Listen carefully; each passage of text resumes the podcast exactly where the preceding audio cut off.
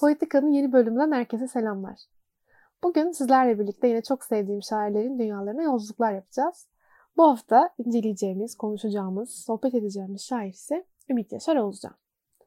Ee, Ümit Yaşar benim için çok farklı bir yerdedir tıpkı diğer şairler gibi ama e, onun yeri daha da bir başka bir yerdedir. Çünkü benim şiirle ilk tanışma hikayelerimden biri olabilir aslında o. Ee, ben lisedeyken Ümit Yaşar'ın şiirleriyle aslında şiir okumaya başladım diyebilirim. Çünkü o yaşlarda, o dönemlerde biraz daha şiirin anlamını yakalayabilmek, şiirdeki derinlikleri hissedebilmek çok mümkün olmuyor. Ama 2013 yılında çok sevdiğim bir arkadaşımın bana hediye etmiş olduğu bir kitapla başladım. Eski basın bir Ümit Yaşar kitabıydı bu. İki kişiye bir dünya, sahibini arayan mektuplar isimli bir kitapla başladı. Sarı, saman sarısı bu sayfaların içinde okumuş olduğum şiirler, cümleler beni gerçekten şiirle yakınlaştırdı. 95 basımlı bir kitaptı elimdeki ve hala şu anda sizlerle bunu konuşurken, sizlere bunu anlatırken de sayfalarına dokunup e, kitabın içindeki notu görüyorum. E, ben şiirin anlam derinliğini, şiirdeki o imgeleri yakalayabilmeyi çok başarabildiğim bir yaşta değildim haliyle 2013 senesinde ve e, çok fazla anlamadığım bir yaklaşımdı şiir benim için. Ardından Ümit Yaşar'la tanıştım ve okumaya başladım. Ümit Yaşar'ın şiirleri o dönem benim için çok dev, çok e, anlam bütünlüğü yoğun ve çok fazla gelen şiirlerdi. Zamanla okuya okuya, ona alışa alışa ve aslında onun vasıtasıyla bütün şairlerle tanışa tanışa aslında onun şiirlerinin diğer şairlere göre daha net, daha yalın, imgelerden mümkün olduğunca uzak ve vermek istediği duyguları şaire, okuyucuya, o an şiire ihtiyacı olan her kimse o kişiye çok daha net verebilen bir e, kalemi olduğunu fark ettim. Ama bu asla onun şiirlerinin basit olduğu anlamına gelmesin. Aksine o duygularını biraz daha net bir şekilde ifade edebiliyor. Çünkü genelde yazan insanlar üzüldüğünü, sevindiğini, e, korktuğunu, aşık olduğunu cümlelerle böyle patır patır dökmez aslında kelimelere. Biraz daha böyle gizemli olur ve arkadan konuşur. Kelimelerin arkasına saklanarak o kelimelerle aslında hislerini yansıtmaya çalışır. Belki bunun en güzel tanımı imgelerle yaklaşmaktır. Ama Ümit Yaşar biraz daha aslında cesur bir kalem. Biraz daha belli etmeyi seviyor hislerini ve düşüncelerini. Biraz daha net yazıyor her şeyi. Ee, ben Ümit Yaşar olan hislerimi biraz daha kısa kesmem gerekirse size Ümit Yaşar'dan biraz bahsedeyim. Ee, Ümit Yaşar 22 Ağustos 1926'da Mersin'de dünyaya geliyor.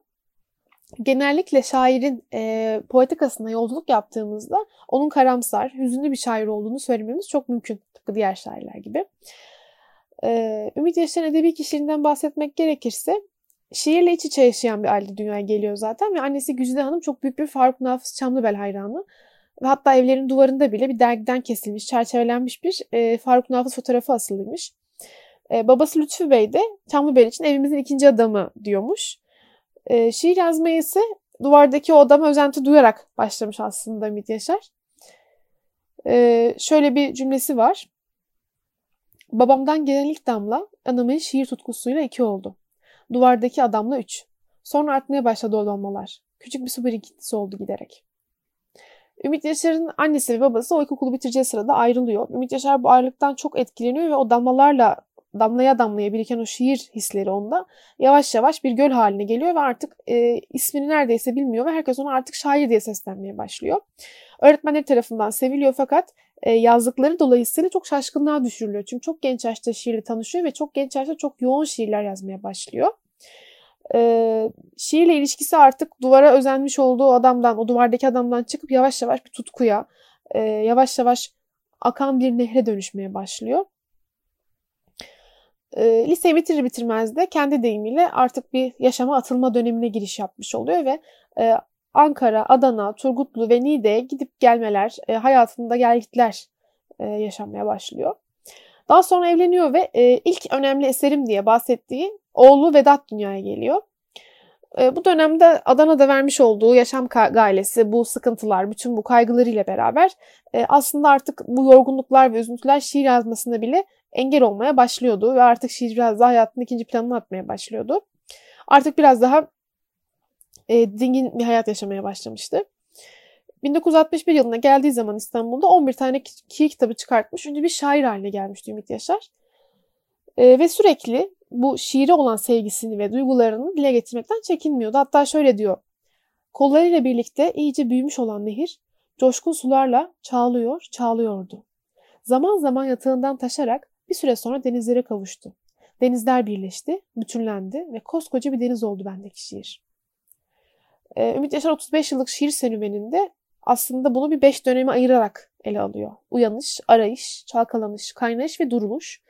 Ve bu dönemleri de hayatının belli yıllarına e, adamış ve hani aslında şiire başladığı o ilk zamanları bir uyanışa, belki şiirle ilgili ne yapacağını anlayamadığı dönemleri bir arayışa, belki bu şiirlerin kafasından, zihninden kaleme döküldüğü dönemlere çalkalanış ve şiirlerin en yüksek seviyeye ulaştığı 64 ile 70 yıllar arasında kaynayış ve 70'ten sonraki döneme de duruluş dönemi adını vermeye çalışıyor kendi şiir dünyası için.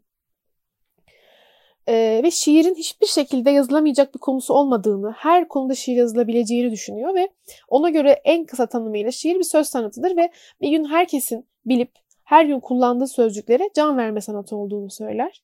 Bu yüzden de aslında her şeyi ve herkesi şiirlerle yansıtabileceğini söyler. Şiirin onu yaşam öyküsü olduğunu söyler. Ve hep e, melankolik bir dünyası vardır ve ölüm ve yaşam arasındaki ince çizgide bir şiirin olduğunu söyler. O yüzden de hep hayatının ölüm teması en yüksek seviyededir. Her seferinde e, hayatla e, sorunları olan bir şair her defasında bu hayatı ve ölümü arasındaki o çizgide gidip gelmiştir aslında. İçindeki o melankoli rüzgarı, içindeki o gelgitli yaşam biçimi, o ölüme yaklaşma çabası her defasında oğlunun da en çok etkilendiği konu haline gelmiştir.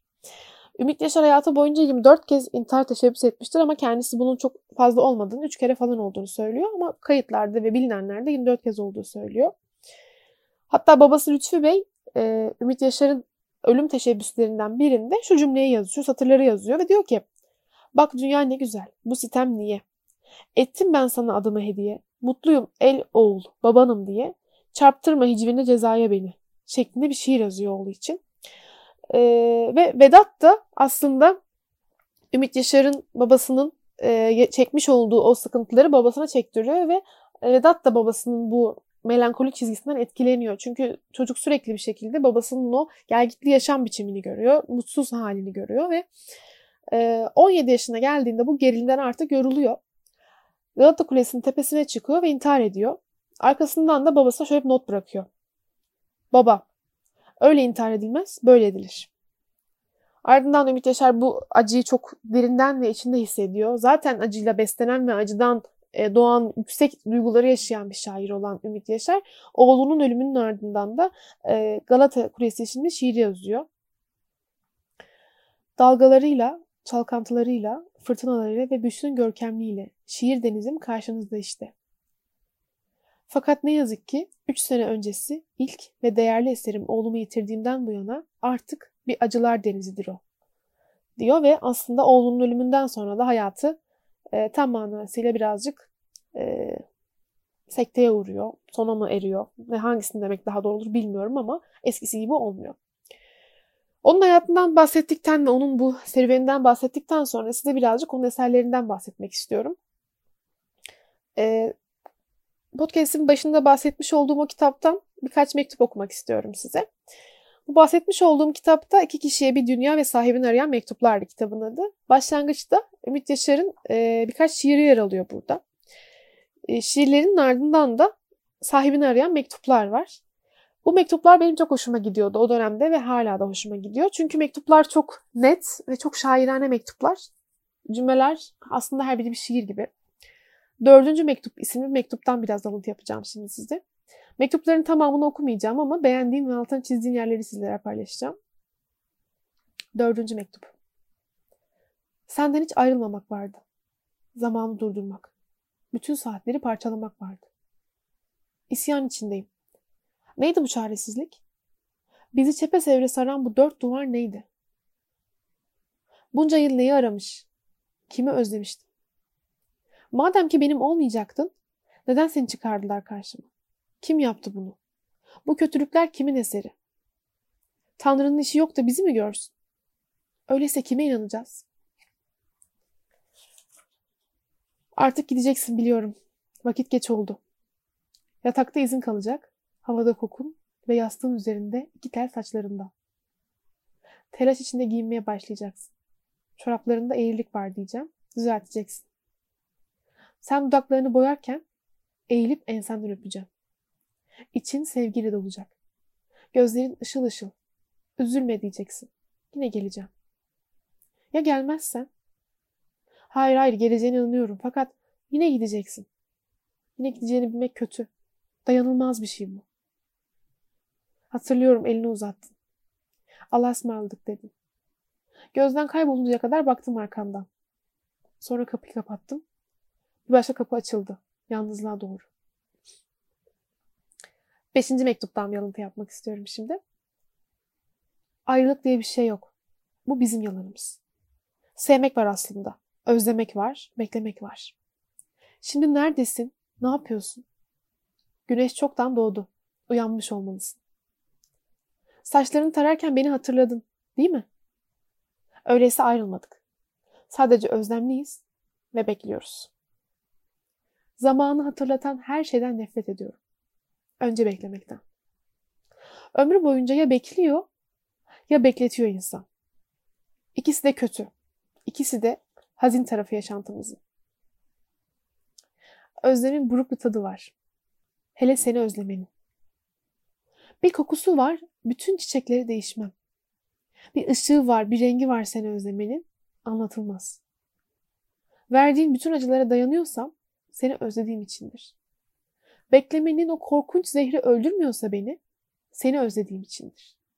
Yaşıyorsam, içimde umut varsa yine seni özlediğim içindir. Seni bunca özlemesem, bunca sevemezdim ki, diyor. Mektuplar böyle devam ediyor. Ben bütün mektupları size okumak istiyorum şu an ama gerçekten çok e, anlam açısından, çok duygu bakımından çok yoğun mektuplar. Okumanızı öneriyorum. E, mutlaka okumanız, mutlaka gerçekten kendinizden bir şeyler bulacağınızı düşünüyorum. E, ve çok benim çok hoşuma giden bir şeyle bitirmek istiyorum aslında podcast'imi. Belki bilenler biliyordur. Bilmeyenler için yeni bir bilgi olmuş olsun. Sanırım seslendirilenler arasında benim en çok aklıma gelen Selda Bağcan var. Selda Bağcan'ın Beni Unutma isimli bir şarkısı var. Herkes onu Selda Bağcan'ın şarkısı olarak bilir ama aslında Ümit Yaşar'ın bir şiirindir. Şiirinin bestelenmiş halidir. Ee, ve şarkının sözlerini, şiirin dizelerini okumak istiyorum birazcık size. Bu podcast'i bitirdikten sonra benim için bu şarkıyı açıp Selda Bağcan'dan dinlemenizi istiyorum. Beni unutma. Bir gün gelir de unuturmuş insan. En sevdiği hatıraları bile. Bari sen her gece yorgun sesiyle saat 12'yi vurduğu zaman beni unutma. Çünkü ben her gece o saatlerde seni yaşar ve seni düşünürüm. Hayal içinde perişan yürürüm. Sen de karanlığın susduğu yerde beni unutma. O saatlerde serpilir gülüşün.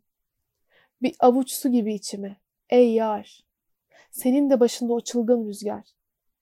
Deli deli esiverirse bir gün beni unutma. Ben ayağımda çarık, elimde asa. Senin için şu yollara düşmüşüm. Seneler sonra sana dönüşüm. Bir mahşer gününe de rastlasa beni unutma. Hala duruyorsa yeşil elbisen, onu bir gün yalnız benim için giy. Saksıdaki pembe karanfilde çiğ ve bahçemde yorgun bir kuş görürsen beni unutma. Büyük acıları tutuştuğum gün çok uzaklarda olsam da yine gel. Bu ölürcesine sevdiğine gel. Ne olur Tanrı'ya kavuştuğum gün beni unutma.